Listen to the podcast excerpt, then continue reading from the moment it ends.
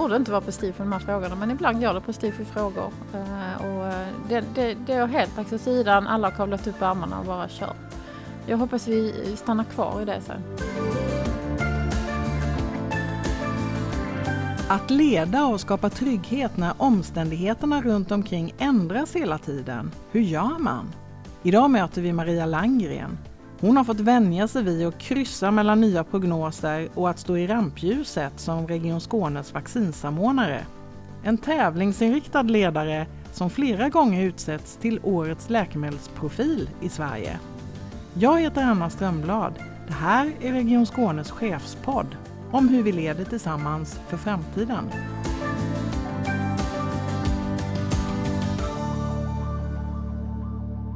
Välkommen hit Maria! Tack så mycket! Vi har ju blivit vana att se dig både i tidningar och tv och du pratar vaccin när Region Skåne har sina presskonferenser.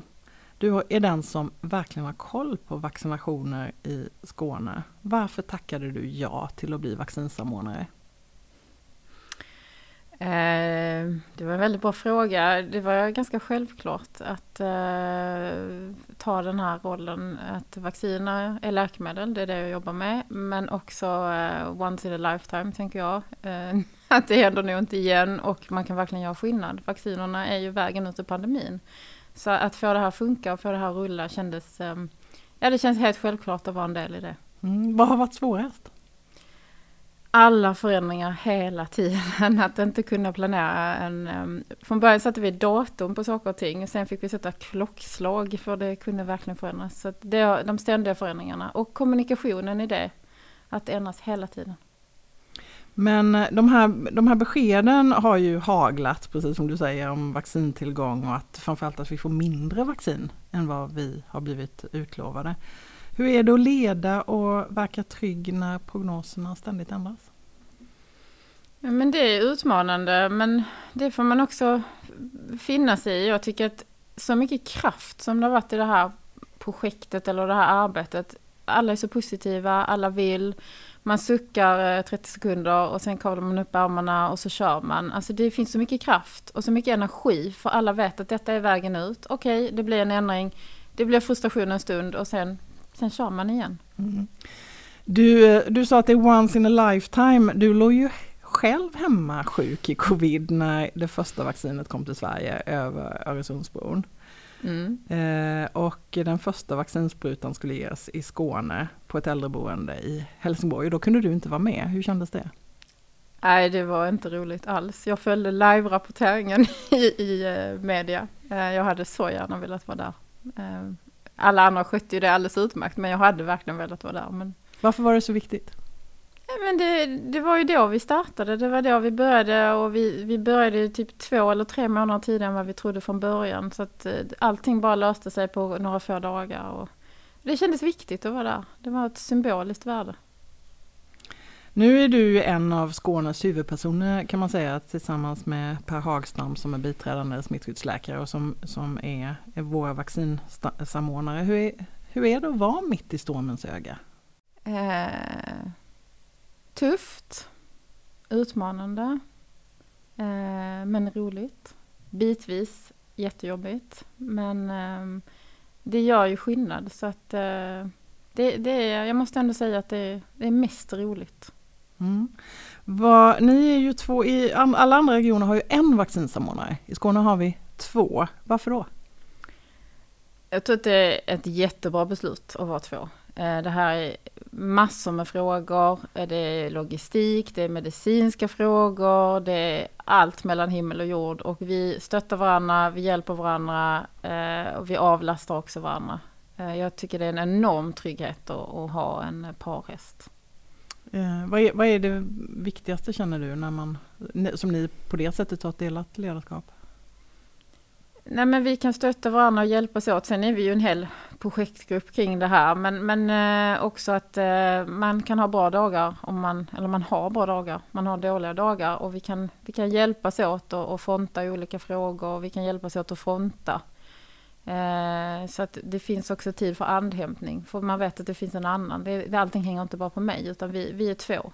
Och vi, vi hjälps åt och vi stöttar varandra och vi avlastar varandra. Men ni hamnade ju i rampljuset och blev huvudpersoner. Eh, hur är det att sitta i möte med statsministern? ja, det är ju något helt nytt. Um, jag, jag måste säga helt ärligt att jag, de mötena kommer jag knappt ihåg. För jag är så nervös. så att jag, eh, jag vet knappt hur det är att sitta i möte med statsministern. Men eh, jo, det är klart, skämt åsido. Men, men, eh, ja, men det är ju häftigt att få vara med och göra en sån här sak. Och, och vara i, i centrum och driva detta. Det, jag måste säga att det är häftigt. Och de är ju väldigt intresserade av vad vi gör. Så vad är du nervös för? Nej men det är väl för att det är en ny situation. Jag förstår ju att statsministern är en människa precis som alla andra. Men, men det är ändå statsministern och jag brukar egentligen inte tänka så mycket på vad folk har för roller. Jag brukar säga människor för män, människan. Men, men när jag ändå ska sätta mig och, och koppla upp mig och prata med, med Stefan Löfven eller Lena Hallengren. Ja, nej men jag, jag vill ju göra ett bra jobb. Jag vill visa att Skåne är bra. Att vi gör ett bra jobb och jag vill att de ska förstå det. Och det är väl det som är min trigger, liksom att jag ska få dem att förstå vilket fantastiskt jobb vi gör.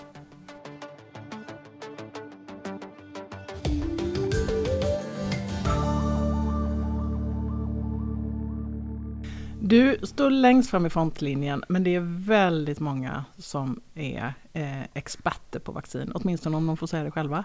Ja. Hur tacklar du det? Ja men man får ju lov att ha en åsikt. Eh, och, eh, men vi, alla har en åsikt men vi får jobba på, vi får ha vår ledstång eh, och jobba på på det sättet som, som vi tror är bäst. Och, och sen får vi också vara prestigelösa och kunna ändra så att eh, ja, vi får lyssna, eh, kommentera, vara öppna för dialogen, tänker jag. Hade du väntat dig att det skulle finnas så mycket åsikter om vaccin? Alltså när jag tänker på det nu så är det ju inte så konstigt, för det finns alltid jättemycket åsikter om vaccin. Alltid. Eh, men när jag gick in i den här rollen så tänkte jag inte på det.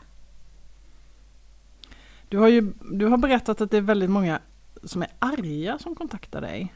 Eh, hur kan det låta? Ja, de värsta är väl de där man ska passa sig och eh, där man eh, det är lite underliggande hot och att eh, eller de som tycker att de ska gå före i kön. Det är många som tycker att just de har en anledning att gå före i kön och att jag som vaccinsamordnare ska ordna det. Och, det, det är mycket frustration, mycket arga och, och så att, det är en har, du, har, du ta, har du fått ta emot direkta hot?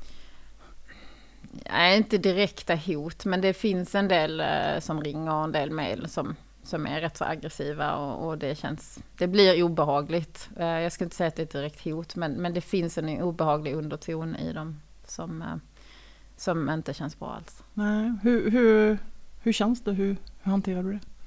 Men jag har ju Per, han får ju också de mejlen och jag pratar med min familj och, och sen vet jag att Skåne har en jättebra organisation och skulle aldrig acceptera att medarbetare utsätts för hot. Så att eh, vi har ju jag känner att skulle jag tycka att något ska polisanmälas, då gör vi det. det skulle, eh, men jag har inte kommit dit. Men, men eh, ja, jag pratar med, med mina nära och kära och med Per och, och så, ja, så borstar man av sig och så går man vidare. Men det är klart, vissa dagar är man ju mer mottaglig än andra. Hur känns det att så många är så arga hela tiden? Ja men det är de som hör av sig. Igår innan presskonferensen så var det så många eh, som jag faktiskt stötte på in real life. Eh, det var en del folk här på jobbet och eh, alla liksom helt spontant bara sa det går ju fantastiskt bra, vilket jobb ni gör. Jag hör mina grannar och mina släktingar och det är ju faktiskt jättemånga som är vaccinerade, det går ju jättebra. Så det är klart att de som hör av sig till oss, det är ju de som inte är nöjda. Eh, och där kanske vi skulle bli bättre alla som människor faktiskt hör av oss när vi är nöjda också. Mm. Tycker du att bilden har blivit eh, för negativ? Eh, ja, man letar ju efter, det spelar ju ingen roll vad vi gör tänker jag. För att man letar ju efter det som vi inte gör eller skulle gjort på ett annat sätt. Mm. Vi, om du ska vara självkritisk, har vi gjort något fel? Ja men hade jag tittat tillbaka nu så hade vi nog byggt det här eh, på ett annat sätt. Vi eh, tänkte i december att vi skulle få eh, massor med vaccin och vaccin som går att förvara i kylskåp under lång tid. Så att fel och fel, vi visste ju inte. Vi, vi gjorde ju utifrån de förutsättningar vi visste då. Sen är det klart att idag vet vi någonting annat. Det är lätt att vara efterklok. Det är väldigt lätt att vara efterklok. Mm. Och sen har det varit snabba beslut. Eh, vi har fått kort tid på oss, det har varit snabba beslut och vissa beslut har vi ju fått ta igen. Eh, eller ta, ta nya beslut. Ibland går det för snabbt. Mm. Vem vaccinerar du dig för? Jag vaccinerar mig för, eh, för samhället. För alla. För att vi ska kunna gå tillbaka till vårt liv. Kanske inte blir som innan men att vi ska kunna börja leva, umgås, träffas, mm. resa. Eh, vi blir inte klara säger du, men eh, vad tror du, när kommer alla att vara vaccinerade? Eh, alla som vill ska ju kunna få den första sprutan i mitten på augusti. Eh, och då ska vi vara klara i slutet på september blir det väl sex veckor efter. Om nu dosintervallen står kvar, det är väl en sån sak som också kan ändras. Men, eh, och då ska ju alla som vill ha kunnat bli vaccinerade. Mm. Nu har vi gått in i den fjärde fasen som då sägs eh, som den sista fasen om det nu blir så. Vad, vad, är den, eh, det är ju alla över 18 som nu är inkluderade i den. Vilken är den största utmaningen som du ser det nu? Um, ja men den största utmaningen är ju fortfarande vaccinbristen. Vi har jättemycket kapacitet, vi har en hög vaccinationsvilja och det är det här att vi hela tiden har för lite vaccin. Det tycker jag är den stora utmaningen. Mm. Det är det som skapar den största frustrationen också. Mm. Men om man är under 50 och fullt frisk, vad, är, vad skulle du säga är det viktigaste argumentet för att vaccinera sig? Ja, men man kan, alla kan ju bli svårt sjuka i covid, det vet vi ju inte innan. Vi har ju fullt friska personer som ligger på IVA, eh, så att jag tycker inte att eh, ingen går liksom säker eh, för det här viruset.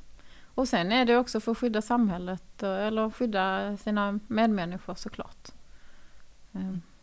Vi har ju ett, ett mål som eh, regeringen har satt upp eh, tillsammans med Sveriges kommuner och regioner som är att 80% ska vara vaccinerade. Eh, vad, har, vad siktar du på för mål när det gäller vaccinationer? Ja, 80% är ju jättehögt. Um, men det, vi har ju nått det med råge, ja, så högt som möjligt. Jag tror inte vi kan nå 100 men tänk om vi kunde nå 90, det hade varit fantastiskt. Mm. Det har ju varit mycket diskussion, inte minst eh, kring AstraZenecas vaccin. Hur, hur eh, tänker du kring att, att människor tvekar? Är det mm, kring att faktiskt våga ta det här vaccinet? Ja, jag tror inte det är så konstigt. Vi har ju, eh, jag tror vi har svininfluensan fortfarande och det som hände där. Men ehm, eh, jag tycker man ska känna sig trygg med, med eh, hela hela processen kring att godkänna läkemedel och vaccin är läkemedel, den är enormt reglerad. Eh, våra läkemedelsmyndigheter är jätteprofessionella, man tar inga risker, man chansar inte. Och AstraZenecas vaccin är ju fortfarande godkänt från 18 år uppåt. Eh, det har inte fått någon eh, liksom begränsning i sin själva godkännande som regulatoriska myndigheter har gjort. Eh, men Folkhälsomyndigheten har liksom av ett, som ett extra säkerhet lagt in 65-årsgränsen. Så att jag tycker man ska känna sig väldigt trygg med det. Eh, men eh, då är det ju viktigt att vi förser alla med informationen också. Ser du att skepticismen är större i vissa grupper? Ja men det är den. Det har vi ju sett nu i ja, de grupperna som, som vi har svårt att nå. En del där man lyssnar kanske inte på svenska medier och det förs ut andra budskap i andra kanaler och eh, där är det dels en större skepsis mot vaccin överhuvudtaget men också framförallt mot Astra. Mm, riskerar eh, pandemin och vaccination att bli en klassfråga tror du?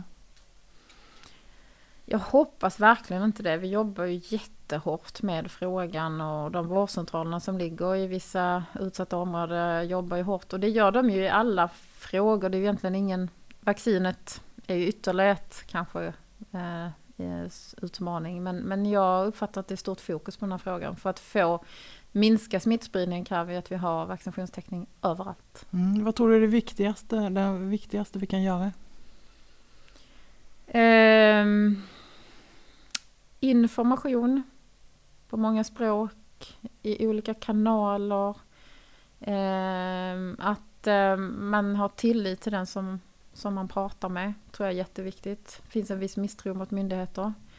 Eh, och när man väl vaccinerar sig ska det vara lätt. När man bestämmer sig, nu vill jag ta sprutan, då ska det, det ska inte vara en massa hinder för det då, utan då ska det vara lätt att vaccinera sig. Eh, det är ju väldigt fokus på den frågan just nu. Vad tror du det kan få för konsekvenser i förlängningen? Att vi, att vi jobbar så mycket med den frågan just nu. Förhoppningsvis kan det ju få positiva spin-off effekter på äh, övrigt. Ja, hälso och sjukvård, förebyggande, alltså all information som vi behöver nå ut med när det gäller förebyggande hälso och sjukvård och hälso och sjukvård. Förhoppningsvis kan det ju få positiva effekter på helheten. Mm, att det blir ett, ett steg för att göra mer saker som inte bara handlar om vaccinationer.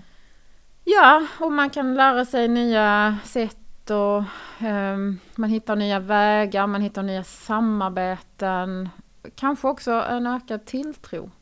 Eh, man blir vaccinerad och det går bra, då känner man sig trygg med det. Då kanske man också tar nästa steg och söker vård för sin diabetes eller eh, sin hjärtsvikt eller vad det nu är. Jag kan, kan tänka mig det. Och samarbetet med kommunerna har ju blivit otroligt, eh, har ju fungerat otroligt bra här under hela pandemin och, och, verkligen under vaccinarbetet och jag hoppas att allt det där, att vi håller fast vid det efteråt. Mm, tror, du, tror du att det här vaccinationsskedet kan bli lite av en game changer för ja, det andra tror saker? Eller? Ja det tror jag faktiskt. Vi har lagt mycket prestige åt sidan. Eh, det borde inte vara prestige för de här frågorna men ibland går det prestige i frågor. Eh, och eh, det, det, det är helt lagt åt sidan, alla har kavlat upp ärmarna och bara kör. Jag hoppas vi stannar kvar i det sen. Kanske måste tillbaka till lite mer normala arbetsformer men, men, men vi gör det här tillsammans. Det, det är det vi gör i vaccinarbetet och det måste vi fortsätta göra.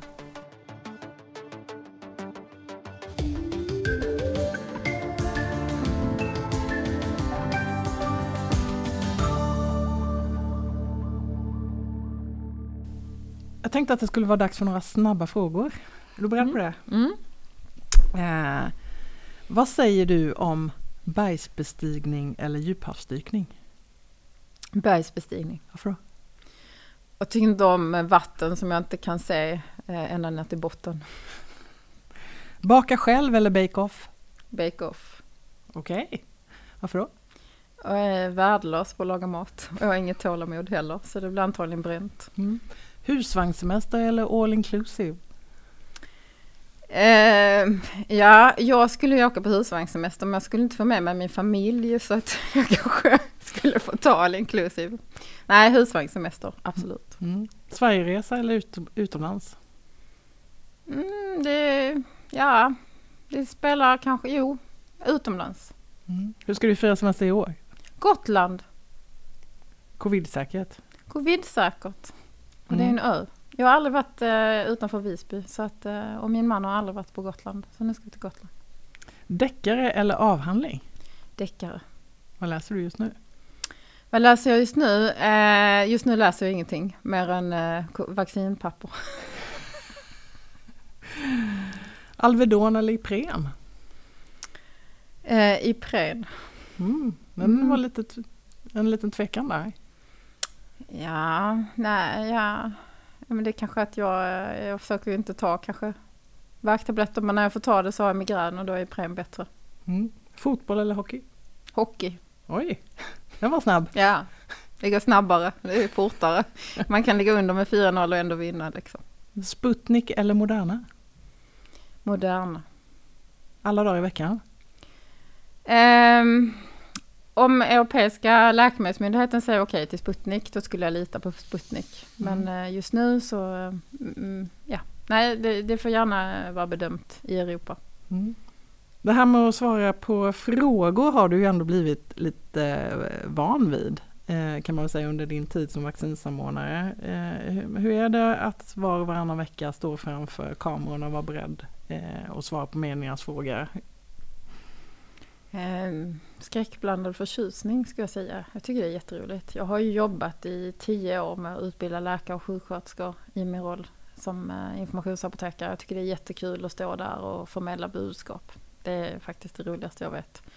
Så det är jätteroligt. Men det här oförutsägbara, eh, vilka frågor ska komma, att liksom snabbt svara fast också svara rätt. Ehm, det tycker jag är ja, det, det är en trigger liksom.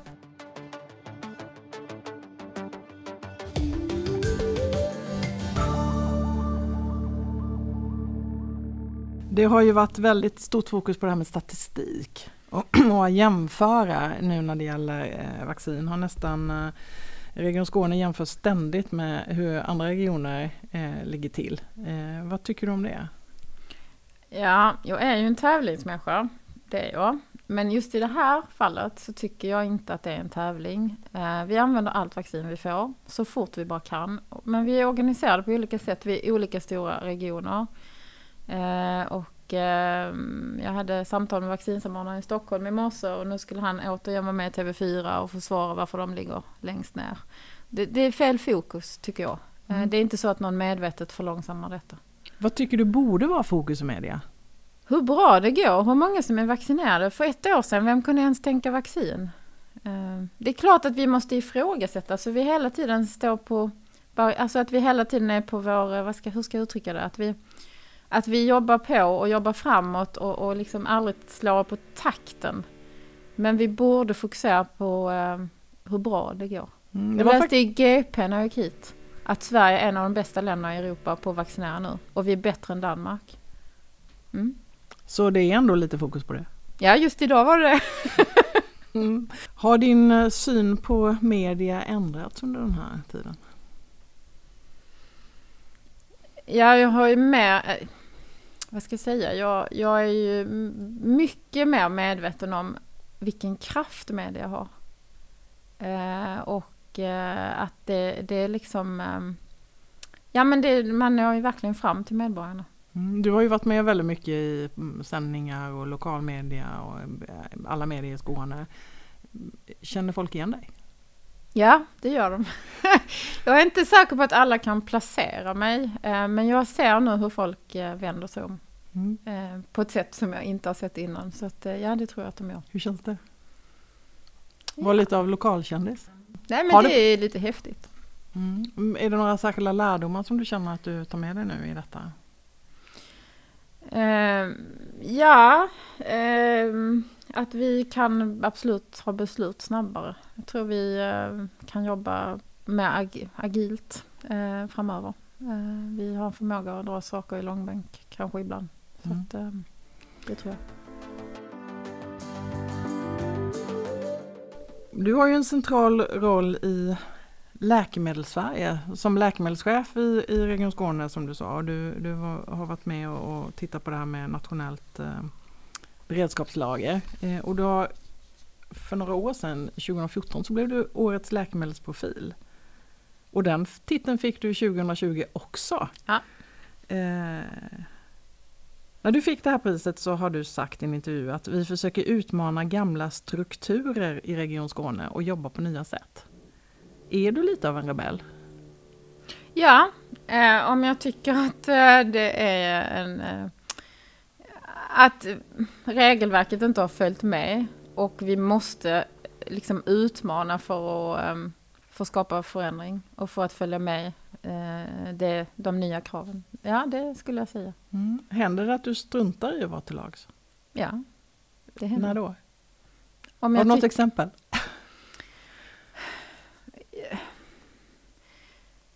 Privat eller på jobbet tänker jag. Nej men, ehm, nej, men jag, jag försöker ju driva igenom och, och ehm, prova nya saker. Ehm, sen så har jag ju respekt för att andra kan bestämma att vi inte ska göra det. Men jag menar, när vi drev igenom att vi skulle förhandla på läkemedel, receptläkemedel, det var ju absolut förbjudet. Och eh, vi tänkte att nej, men vi måste ändå försöka, vi har för höga priser. Och då var ju Region Skånes ledning med på det och vi drev det till Högsta förvaltningsdomstolen och vi vann. Hur kändes det? Hur bra som helst. Mm. Hur, det här att vara rebell och att eh, kanske driva nya saker, hur, hur upplever du att andra ser på det? Um, ja, nej men jag tror att de som känner mig vet att jag, jag drivs av att göra skillnad. Eh, och jag har liksom inte... Målet är ändå att, att uh, skapa någon form av resultat och göra skillnad. Sen är det klart att om man inte känner mig så kan man nog bli lite skrämd för att jag får ju liksom fram där. Hur då? Ja, men uh, uh, en av mina chefer sa en gång att jag var som en galopphäst som står där i, i startbåset och man behöver sätta lite tyngder på mig för att annars går det lite för fort i början. Och det är en väldigt bra beskrivning. Mm. Vad får det för konsekvenser tror du? Nej men jag får ju saker att hända. Däremot måste jag omge mig med folk som säger, men vänta nu. Ja men stanna lite och det jobbar jag med själv hela tiden. Att stanna upp och bara, inte för snabbt nu. Eh, men jag som person eh, är ju snabb liksom. Men det tror jag är positivt, jag tror att det händer grejer. Men det kan gå för snabbt. Mm, jag har förstått att du är en väldigt tydlig naturvetare också. Ja. Eh, som tänker logiskt. Det här att ett plus ett är två. Ja. Kan det finnas hinder i det tror du? Ja det tror jag. Ehm, det tror jag absolut. Ehm, men det har väl också kanske lärt mig min roll som, som läkemedelschef i en stor region att, att lära mig och lyssna på um, Alltså som farmaceut eller som apotekare så är det, det ska ju vara rätt. När det är läkemedel det måste vara rätt, det får inte vara fel. Så jag tror att farmaceuter i grunden är extremt noggranna. Uh, och det är liksom en resa att gå från specialistrollen till en bredare roll. Mm. Uh, så det jobbar jag med ständigt. Mm. Kan det bli så att det inte blir så mycket nyanser? Ja, det kan bli så. Eh, men jag är ju medveten om det så att det är viktigt att, att jag omger mig med personer som, som går in i frågor med andra saker. Eh, jag kan säga att jag sitter ju i TLV, Tandvård och läkemedelsförmånsnämnden, där vi fattar beslut om nya läkemedel, om de ska ingå i högkostnadsskyddet. Och där finns ju massa olika kompetenser, patientföreträdare och annat och det har gett mig väldigt mycket kring eh, alltså perspektiv, hur man ser på en fråga. Jag ser på den strikt naturvetenskapligt och så i rummet så finns det så mycket andra människor som är så kloka och som går in i, frågan med ett helt annat perspektiv. Och jag tänker, oj, kan man tänka så? Så det, ja, jag försöker att stanna upp. Mm, och bli, och, lyssna på andra. Du har ju ett fokus på läkemedel. Vad var det som gjorde att, just, att du blev intresserad av just läkemedel? Ja, egentligen skulle jag bli veterinär. Det är ju min egentligen stora hobby i livet. Eller det är min stora hobby som jag inte riktigt hinner med just nu, men det är ju hästar. Eh, men, eh, så jag skulle bli veterinär, men jag kom inte in. Det var på håret och apotekarlinjen var också i Uppsala.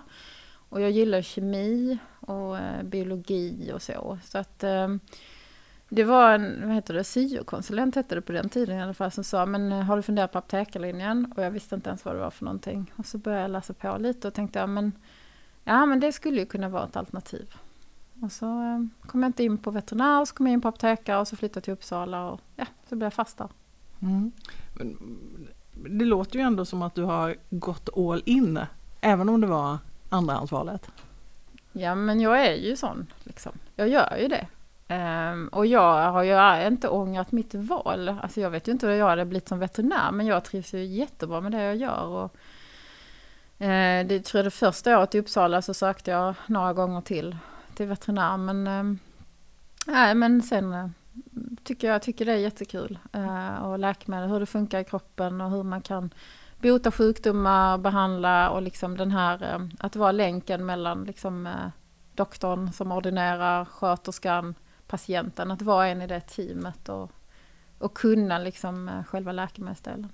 Det tycker jag är jättekul. När har du roligast på jobbet? Eh, jag, alltså jag har roligast när, när det flyter, när det funkar, när vi märker att det vi gör, det har skillnad för patienterna. Det gör skillnad för vården, det gör skillnad för verksamheterna. Vi uppnår någonting som verkligen har betydelse. Då har jag roligast.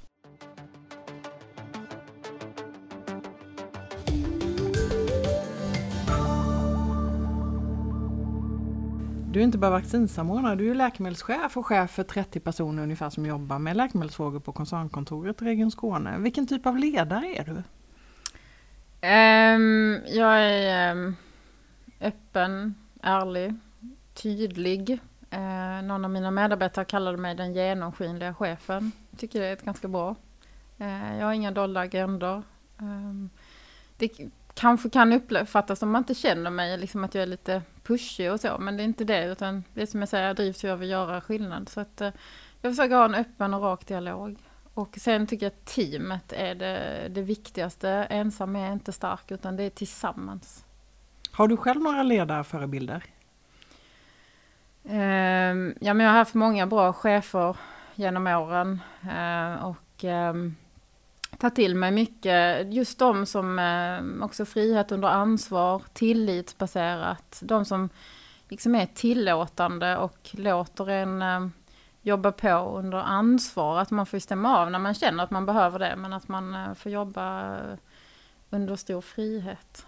De cheferna, det är väl de som har gett mig mest. Jag kan inte peka ut precis någon, utan det, vi har haft många bra chefer under åren. Ehm, man måste också välja sin chef, tänker jag. Och det, jag har trivts väldigt bra med mina chefer. Eh, det här med att inge trygghet fast allt inte är på plats, hur ser du på det? Men det tror jag ligger lite i min personlighet. Jag um, tycker det är slöseri med energi och gå och oroa sig för saker som inte har hänt. Så det passar väl i det här arbetet, men det passar i vardagen. Det kanske kan uppfattas som okänsligt ibland, men jag, jag tycker att jag, jag är här och nu. Eh, jag försöker liksom såklart som alla andra jobba framåt, men jag går inte och oroar mig så mycket. Jag tänker okej, okay, nu är det så här, vad gör vi åt det? Hur tror du att den här pandemin har påverkat dig som person?